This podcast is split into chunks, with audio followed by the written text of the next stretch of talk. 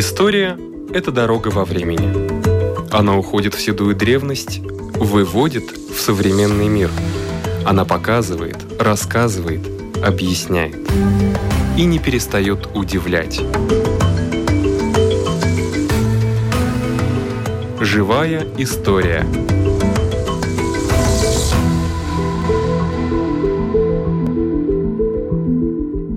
У микрофона Лидия Чера.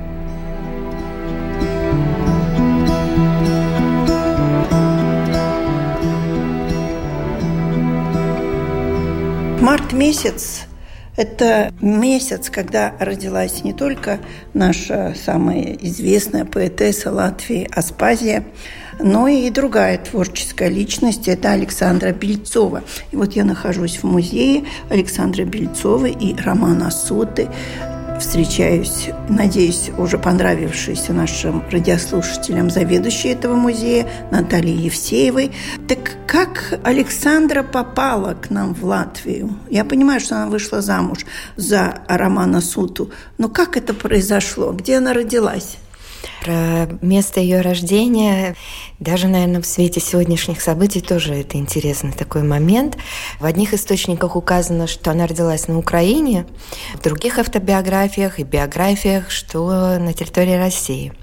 И если покопаться, то выясняется, что Черниговская область в тот момент, когда Бельцова родилась, в 1892 году, это как бы территория Украины была. А в советское время при перераспределении всех этих территорий эта часть этой Брянской области отошла к России. И это маленький городок Сураж, Сураж, в котором она прожила буквально недолго, ну, самое раннее детство. А потом семья перебралась э, в соседний городок э, Новозыбков где была гимназия, где дети могли учиться, в семье было много детей. Но вот выжило до взрослого возраста, дожило 8. О, так, господи, да. сколько же их было, наверное, 10 Ну, 10, около 10, да, я до конца так и не выяснила. Ну, 10, по-моему.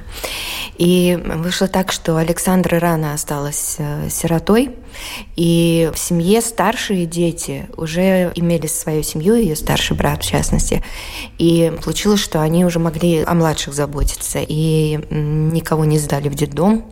Они получали пособие от царя и смогли, а как она писала в автобиографии, мы были легендарная семья, и вот так вот они жили сами своим хозяйством, и Александра отвечала за образование младших. Mm-hmm. Она была как бы больше посерединке, но чуть ближе к старшим. И вышло так, что вот часть, вот ее старшая сестра, в частности, умерла от туберкулеза, мама умерла от туберкулеза легких, и Александра заболела. И, в общем-то, она видела, что вот э, и как быстро ушла как ее сестра, да, и как это быстро происходит. Да. И, в принципе, она не особо надеялась, что ее жизнь сложится иначе, вероятно, ей тоже осталось не так много, как она думала, и приняла решение, что будет художницей. У нее был выбор поехать в Киев, там, в Киевское художественное училище, это было поближе к дому, но она тогда вот писала, рассказывая о себе уже потом, в конце жизни, что ей хотелось путешествовать, поехать подальше куда-то. И вот она поехала в Пензенское художественное училище, и там она познакомилась с Романом Сутой, будущим своим супругом. И туда же приехали в годы Первой мировой войны вместе с Сутой и несколько других латышских художников. Вот так они там познакомились, отучились, контакты поддерживали и после окончания учебы. И Роман настойчиво вот ее звал приехать. На тот момент Александра находилась в 1919 году в Петрограде, так тогда назывался да. Санкт-Петербург. И это было тяжелое время, голод, холод, занятия в Хотемасе, где она тогда училась, проходили нерегулярно, и вообще у нее там, она рассказывала, даже руки пухли от голода, и она откликнулась на его приглашение, это было уже время летних каникул почти, май месяц, и она приехала. В общем-то, она там писала в Хутемасе, оставила заявление, нашла в ее личном деле, где она просит отпустить ее только на каникулы. То есть это не было решение, что она уезжает навсегда. Но вышло так, что она осталась. Понятно было ей, что в Петрограде действительно, если она вернется, можно умереть от голода. А здесь э, она встретила своих друзей, однокурсников, знакомых ей по Пенсинскому училищу. Ну и отношения с Романом, они складывались непросто на самом деле. Не так, что вот она приехала и вышла замуж. Еще прошло, получается, с 19 -го года до 22 -го, ну вот посчитайте. почти, да. Да. И они вроде то вместе, то врозь, и для себя они то вместе, то врозь, и для других они непонятно были то пара, то ли не пара. И отношения их вот так вот качались из стороны в сторону, прежде чем все-таки было принято решение обоюдное, что они свои отношения узаконят, вступят в брак. На тот момент уже Александра была в положении. Вот вы сказали о дне рождения, да, действительно, это 17 марта ее день рождения, но в марте родилась и их дочь Татьяна Сута. 28 марта она родилась в Париже. Так что в семье было два дня рождения, да. и они даже бывало, что и вместе их отвечали. Да. Но мне казалось, что у Романа Сута большие запросы были к женскому полу. Ну, и выбор был тоже. Он, да, такой... Э, ну, ловелас, не знаю, можно был, ли сказать. Был, да, был. Ему даже хватало ума хвастаться своими победами самой Бельцовой, поэтому вспоминала. Да, непростой он был человек. И в быту, и в семейной жизни. Ей, Александре, было с ним очень непросто. Я не знаю, можно ли это даже каким-то спекулятивным, может быть, заключением считать. Но вот зная их переписку, их отношения, и то, что писала Александра в своем дневнике, наверное, да, в какой-то мере это можно было назвать какими-то созависимыми, сложными отношениями. Сегодня бы мы назвали бы это так. Сложные mm-hmm. были в отношения mm-hmm. в этой паре и вместе им было трудно, и врозь никак. И для Александра это было таким серьезным испытанием, семейная жизнь с ним. И ясно, что очень большую роль сыграло именно творческое притяжение. Вот то, что для нее он был большим авторитетом в искусстве. Даже тогда, когда она созревала до того, чтобы уйти и бросить его, и писала вот ему письма, что мы должны расстаться, в конце все равно она добавляла прилагаю к своему письму рисунки, скажи, что ты о них думаешь. Даже при таких вот сложных mm-hmm. моментах все равно его мнение было для нее очень авторитетным. Ну и что говорить, в общем-то, если мы оцениваем их творчество, кстати, не только ее, но и самого романа, лучшие вещи были созданы ими обоими, когда они были вместе. Все их творческие проекты, включая мастерскую по росписи фарфора Балтерс, это тоже было их общим детищем, можно сказать. Но вот есть союзы, в которых, скажем, муж видит в жене музу, вдохновительницу. Да. Здесь скорее были такие конкурентные отношения внутри пары. Может быть, это тоже секрет успеха вот их обоих, что какое-то внутреннее соревнование было, может быть. Да, но вы так говорите, что сколько они были вместе, а сколько они были вместе? 20-е годы – это действительно, можно сказать, такое счастливое время для обоих. А, Десятилетие. Да, и в 30-е начались уже трудности, такие обозначились. Ну, что говорить, у Романа появилась другая женщина. Ну, отчасти, может быть, это и потому, что Александра подолгу отсутствовала, уезжала на лечение mm-hmm. во Францию, ее не было по полгода, по 9 месяцев. Ну, может быть, и темперамент романа тут сыграл свою роль, трудно сказать. Но это была актриса Беннита Уозолыня, и вот Роман с ней познакомился, когда он работал театральным художником в 30-е, и Поначалу как бы он пытался усидеть на двух стульях, но когда все вскрылось, он ушел из семьи. И с 1937 года начинается их бракоразводный процесс, который длился, страшно сказать, 4 года. Они не жили вместе, естественно. Он вот жил с этой актрисой. Так и... они имущество делили 4 Нет, года? нет, непонятно. Как такое, можно сказать, отчасти свидетельство, вот хроника этого времени, дневники Бельцовой, где она пишет о этих перипетиях, отношениях с ним. Непонятно. То она пишет, что он собирается эмигрировать в Америку к брату. И ей кажется даже, что он очень серьезно это планирует. То вдруг понятно становится, что никуда он не собирается уезжать. Постоянно он устраивает какие-то показательные акции. Было так, скажем, он ей звонит, а параллельно она слышит, что... Ну, знаете, как раньше было, что на один номер есть два да, аппарата да, в одном да, квартире. Да. И вот она слышит, что снимают трубку и слушают, что он ей говорит.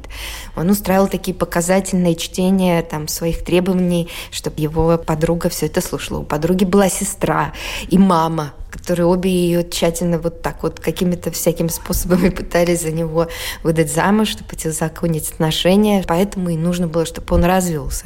А он вроде как с ней, с этой любовницей, вынужден показывать, что он готов разводиться. И он подал на самом деле на развод. В то же время он не очень-то горит желанием снова вступать в брак новый, и поэтому вот он, он тянет время. Похоже, было в этом причина, почему он тянул время. И нехорошо он там поступил, и не раз нехорошо, и Бельцова это все описывает в своих дневниках.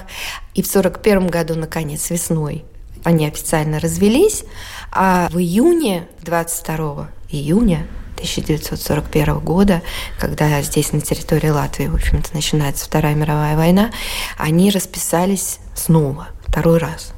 Да вы что? Да, вот так. Четыре вот. года разводились, чтобы потом опять... Через три месяца снова расписаться. Но за это время у Бельцовой уже были другие увлечения, и в своем дневнике она пишет 38-й год подробно, 39-й год подробно, чуть-чуть 40-й, потом пауза, и от 41-го года буквально несколько строчек всего записей. И вот 3-4 предложения она пишет, что в июне сослали ее друга, вот с которым у нее образовались отношения за время развода. Его сослали в Сибирь. И Он она... был иностранец? Нет, это когда были массовые депортации. Ага, Его семью ага, сослали. Ясно, да. И она пишет, что не забыла и не забуду. Понятно, что для нее это драма. И следующей строкой, буквально в одном предложении, снова расписалась со своим бывшим. То есть это буквально для нее рядовой какой-то факт. То есть ясно, что даже она больше переживает о других вещах. Ну и Таня суд, дочь да. ее много рассказывала и писала в своих воспоминаниях, описывает этот эпизод. Мне кажется, что все, кто был в гостях здесь, рассказывали, я много-много раз слышала в их пересказе эту историю, что Сута приходил и угрожал то повеситься, то застрелиться на чердаке здесь, в этом доме, здесь есть чердак, если Бельцова не согласится снова с ним расписаться. Ну и Бельцова якобы согласилась, просто чтобы это уже все прекратилось, ну, чтобы просто он ее оставил в покое из этих соображений. А его роман прекратился с актрисой? Да, похоже на то, что жениться он на ней не захотел, и ясно было, что продолжения там быть не может. Ему пришлось уйти оттуда, но и сюда он не вернулся, потому что с началом войны он уехал в Грузию. Это угу. тоже известный да. факт. К сожалению, там он погиб. Я вообще, честно сказать, в последнее время, понятно, что я все время про Бельцова вспоминаю, но в свете последних событий особенно часто, я сказала, что в 38-м, в 39-м она вела дневник да. подробно, и она очень тщательно записывает политические новости в свой дневник. Это удивительно. В 20-е она иллюстрировала журналы сатирические, много рисовала на тему политики местной, нашей. Но политикой не интересовалась вообще. Угу. Ей давали сюжеты в редакции. Вот надо тех политиков изобразить в таком-то сюжете. То есть даже фабулу ей давали. Ей не приходилось ничего придумывать самой. Подписи, все. И интересы политика только поскольку она ходила на заседания, туда, где этих политиков можно было встретить, слушала, смотрела. Но для того, чтобы делать с натуры зарисовки. Интереса к политике не было вообще. Но в конце 30-х, вот именно около 39-го, когда с наступлением Второй мировой, она активно следит за новостями. Удивительно, часть дневника, ну, наверное, половина записи – это просто пересказ новостей. Понятно, что она следит с увлечением за этим, ей важно, ее волнует это. Я прочитала многие, кстати говоря, в Европе тогда, даже люди, художники, именно художники, которые были аполитичны, никогда не имели такой, скажем, публичной, активной гражданской позиции. Они тоже все начинают следить за политическими новостями. Это настроение общее, mm-hmm. нагнетание атмосферы. Все понимают, что ну вот, вот зреет что-то. И это вгоняло вот в такое некоторое беспокойство. Может быть, отчасти это похоже на то, как мы сегодня судорожно следим за новостями. И тяжело, и ты не можешь не читать. И вот так же и Бельцов. И тяжело, но и не может не читать. И пишет, и размышляет, а что же будет? А что же будет с нами? Вот я все время в мыслях возвращаюсь возвращаюсь вот к этим моментам. И как ее трансформация отношения к тому, что происходит в России. Она сначала пишет, что как она как бы, ну я не буду врать, она радуется, когда происходит приход советской власти. И как быстро она разочаровывается и пишет, это не те русские, это не те русские. Это не те, которых она знала, когда она жила там. Это время ее молодости, юности, те люди, с которыми она выросла бок о бок. И меня на самом деле есть идея, вот следующая наша выставка в следующем году, это будут как раз цитаты и выдержки из ее дневников и писем. Потому что мне показалось, что когда была большая выставка Бельцовой, конечно, там было и переписка, и дневники, но со стороны публики мне показался интерес очень высок, и как будто осталась какая-то недосказанность. И я знаю, что очень много осталось за кадром, а особенно вот в свете последних событий, мне кажется, многие вещи могут быть очень интересны. И вот я хочу это рассказать и показать еще раз. И после Грузии, после смерти Романа Суты, как дальше складывалась жизнь ее? Она была одна. Семьи и каких-то постоянных отношений других у нее не было. А друзья кто был? Друзья ее в основном были творческая интеллигенция. Да. Она была окружена, ей повезло, окружена людьми, с которыми у нее были очень теплые дружеские отношения. И это в основном многие из них люди театра. Ну, Таня ага. мы вспомним, она была балериной много ну, лет. Да. Но у Бельцовой еще и до этого были контакты с людьми театра. И она и портретировала в основном своих друзей. Это было для нее такое тоже бегство от того времени, от той реальности. Ей не нужно было рисовать ни Ленинов, ни Сталинах, потому что официально она могла делать портреты вот такой творческой интеллигенции и обходить все эти вопросы цензуры и правильности сюжетов какой-то. Но она была активна в обществе? Или... Знаете, нет, не сильно, не а? скажу. С одной стороны, я вижу, что она, когда была на этих заседаниях Союза художников, да. нередко она протоколирует. Ну, не сказать, что, наверное, это многие могли ну делать, ну, да, не сказать, да. что это прям активная какая-то позиция. Известно, что она защищала, например, тех, кто, ну, не скажем, опальные, но такие, кого начинали критиковать. Например, Лидия Ауза, которой доставалась иногда от коллег по Союзу художников, разбирали ее работы там и как-то ее критиковали сильно, Бельцова всегда ее защищала. Не то чтобы она там боролась за госзаказы, хотя это был способ выжить тогда, но у нее была пенсия, и несмотря на то, что вот был период в конце 40-х, в начале 50-х, когда ей не давали госзаказы, и они жили очень скромно. Черновик письма, который мама Романа, она здесь осталась и жила в этой квартире вместе с Бельцовой uh-huh. и Таней до конца своей жизни – она даже свою правнучку застала, Инга родилась, и она ее успела чуть-чуть понянчить. Так вот, она писала своему сыну, черновик, неизвестно, отправила она это письмо потом или нет, черновик у нас только, где она пишет, что мы живем очень скромно, ну, представь, две пенсии и зарплата Тани в кардебалете, и что она вынуждена вспомнить все свои рецепты котлеток из крупы, и да. салатики, и супчики из крапивы, и даже коллеги Тани, балерины, тоже вспоминают вспоминали, что приходили сюда в гости, их угощали там чем-то из одуванчиков, там что-то такое крапивное, и что это было вот по тем временам, ну, как-то вообще непонятно. Но им приходилось вот так вот, и при этом она, Бельцова, я имею в виду, не шла ни на какие сделки с совестью, то есть вот, ну, так живем, значит, так живем. Видимо, вот эта школа Петрограда, голодные годы войны, это все закалило ее характер, и, в общем-то, не позволила ну, идти на какие-то сделки с совестью. Потому что даже бабушка пишет, она такую фразу говорит, я попытаюсь процитировать, она говорит, но невозможно делать что-то, если ты в это не веришь, как-то так она говорит.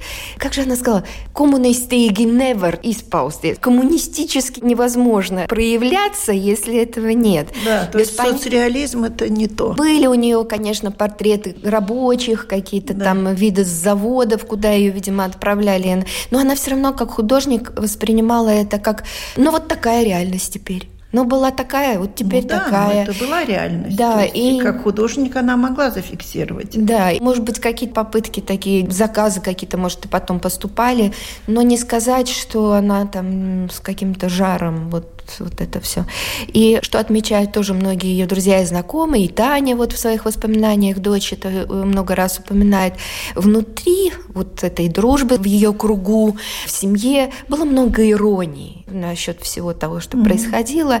И то, что Таня это называла «l'esprit galo» по-французски, если я правильно говорю, это вот это умение посмеяться над собой, uh-huh. самоирония, и над тем, что происходит, умение иронично на это смотреть. И это внутри внутри, э, вот в закрытом кругу это осталось. И ну, никакие внешние, этот, да, из... кухонные, в общем. Совершенно да. верно. И э, есть даже тоже воспоминания ее современников, где они вот смогли собираться с старой компанией. Ее подруги еще до военного времени, поэтесса Люция Замаяча, актриса Анта Клинц, другие. И вот они могли сидеть и вспоминать, как они ездили в Париж, Вену, на Ривьеру. А это какое-то начало 50-х, представьте, там совершенно жуткое еще да. время за окном. Да, и, Двойной железный занавес. Да, совершенно верно. И для них это вот было такое окно в прошлое, вот эти воспоминания. Помогало им сохранить себя в то время. Но туберкулез отступил окончательно от нее. В молодые годы она болела туберкулезом. А конец жизни как? У нас много сохранилось даже такого вида документов, там выписки от врачей, какие-то медицинские карты, сдача анализов и прочее. Нет, судя по всему, она была постоянно под наблюдением. До конца полностью ее не оставила эта болезнь. Она просто не была больше в открытой форме. Как-то так ее слегка залечили, но все равно эта проблема осталась. Ей приходилось лечиться, приходилось думать о своем здоровье.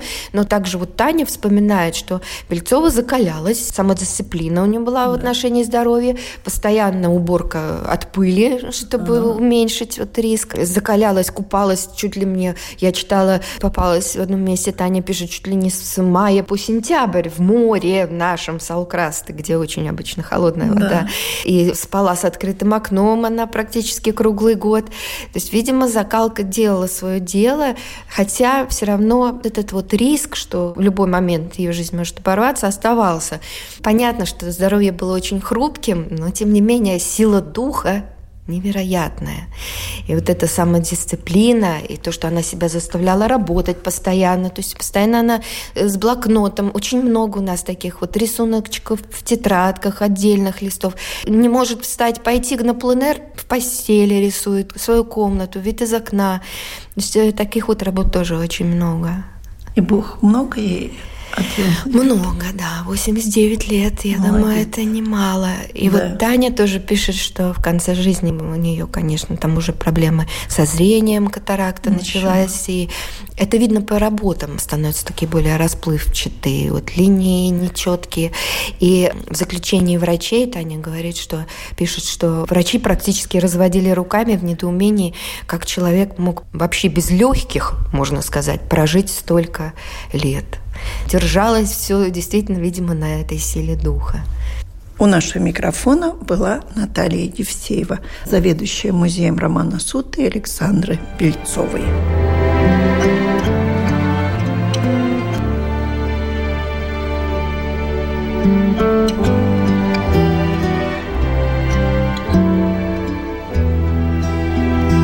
Итак, Карл Рейнхольд Купфер, ученый и ботаник немецкого происхождения.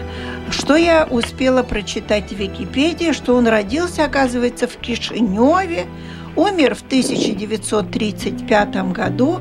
Интересно, почему вспоминает Управление охраны природы? Расскажет Илона Епсена. Совсем недавно вы готовились к лекции на эту тему.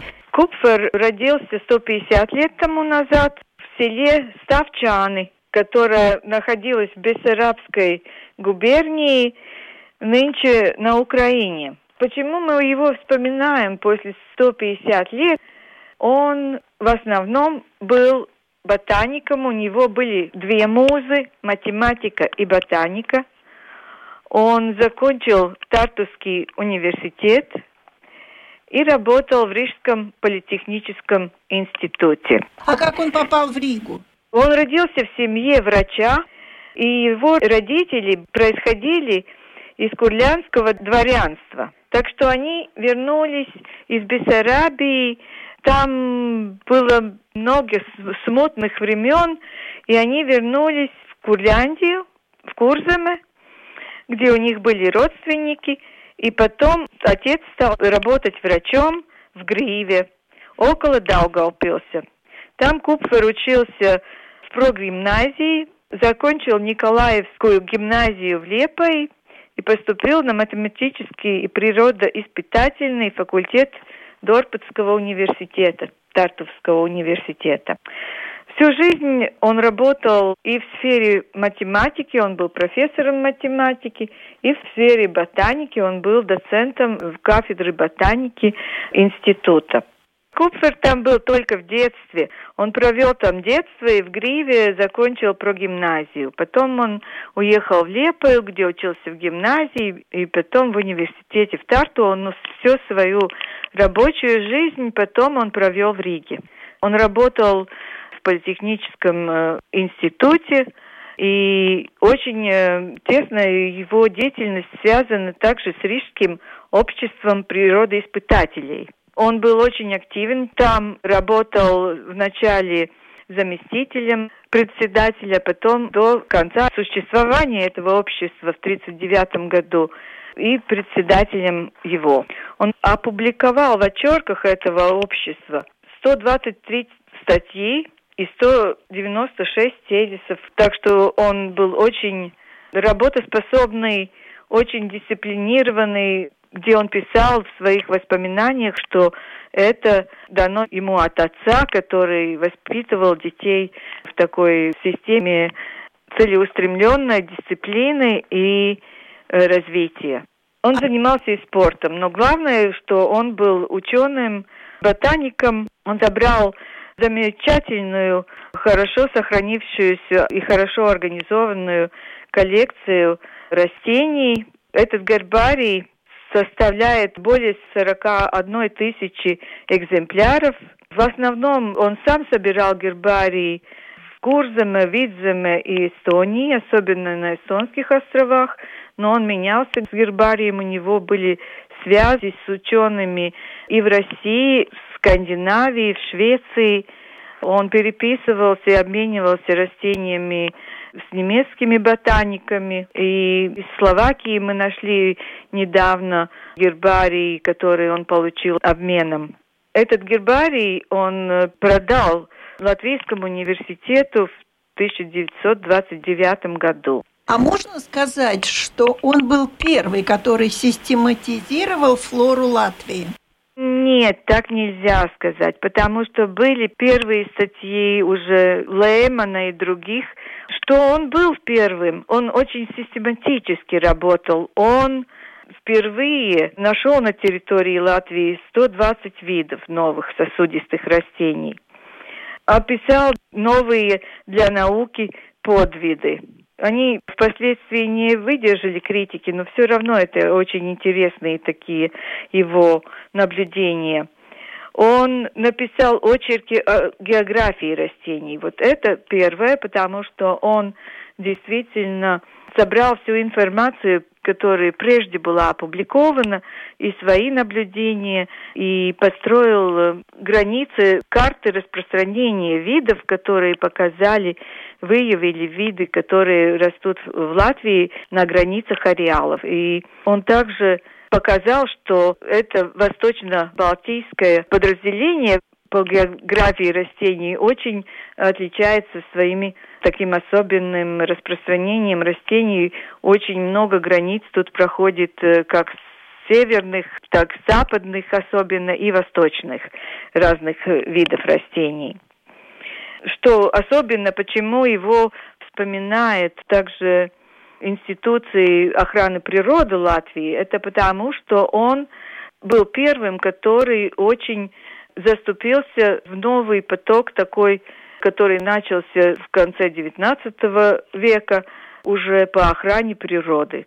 Когда увидели, что индустриализация за собой несет большую потерю окружающей среде и природе.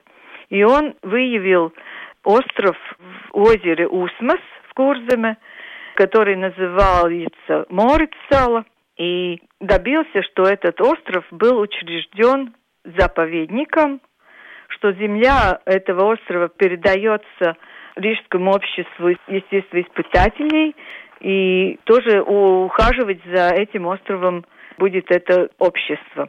Он сам обучал там э, надзирателей или лесника, который должен был охранять эту территорию, объяснял, что тут охраняется, почему, как можно, что можно, что нельзя делать на острове. И острову заповеднику Морицела в этом году исполняется 120 лет. Купфера 150. Это такие основные его достижения, которые всегда будут отмечаться в истории охраны природы и ботаники в Латвии. А его коллекции, его гербарии сохранились в Латвийском университете? В их... Да, сохранились, конечно. К ним э, можно подойти, работать. И ученые Латвии и других стран, Эстонии тоже использовали его неоднократно. Он до наших дней цитируется в научной литературе. Большое дело сделал. Да. А где похоронен?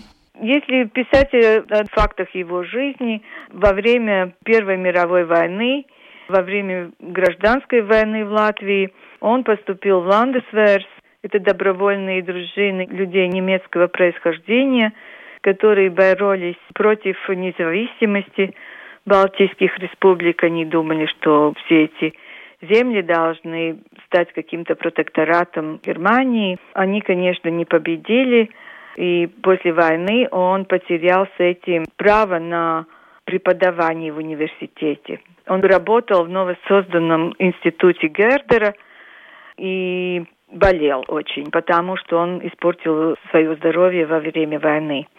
И он скончался в 1935 году, он похоронен на кладбище Якоба, но по его могиле проходит в наши дни улица Сенчу. Его памятник был перемещен в большое кладбище. Он там находится. И завтра ботаники и работники Дабсайсадейвс Парвалда управление охраны природы будут э, там зажигать свечки. Наша передача звучит немножко позже, но не завтра, а уже это пройдет, уже канет в лето. Да. Но память о нем жива. Да. Значит, он все-таки много хорошего сделал. Да, неоспоримо. Он был очень выдающимся ученым и организатором, и спортсменом даже. Он э, всю свою жизнь занимался спортом. В немецком обществе гимнастики он даже руководил занятиями. Был первым гимнастом, который занимается впереди других и показывает упражнения – и он э, был членом клуба «Яхт-клуб» в Межапарке. Отмечается, что он первым начал э, использовать яхты на льду. Так что он был э, очень многосторонним человеком, очень активным человеком. На этом наша передача заканчивается. Всего вам доброго.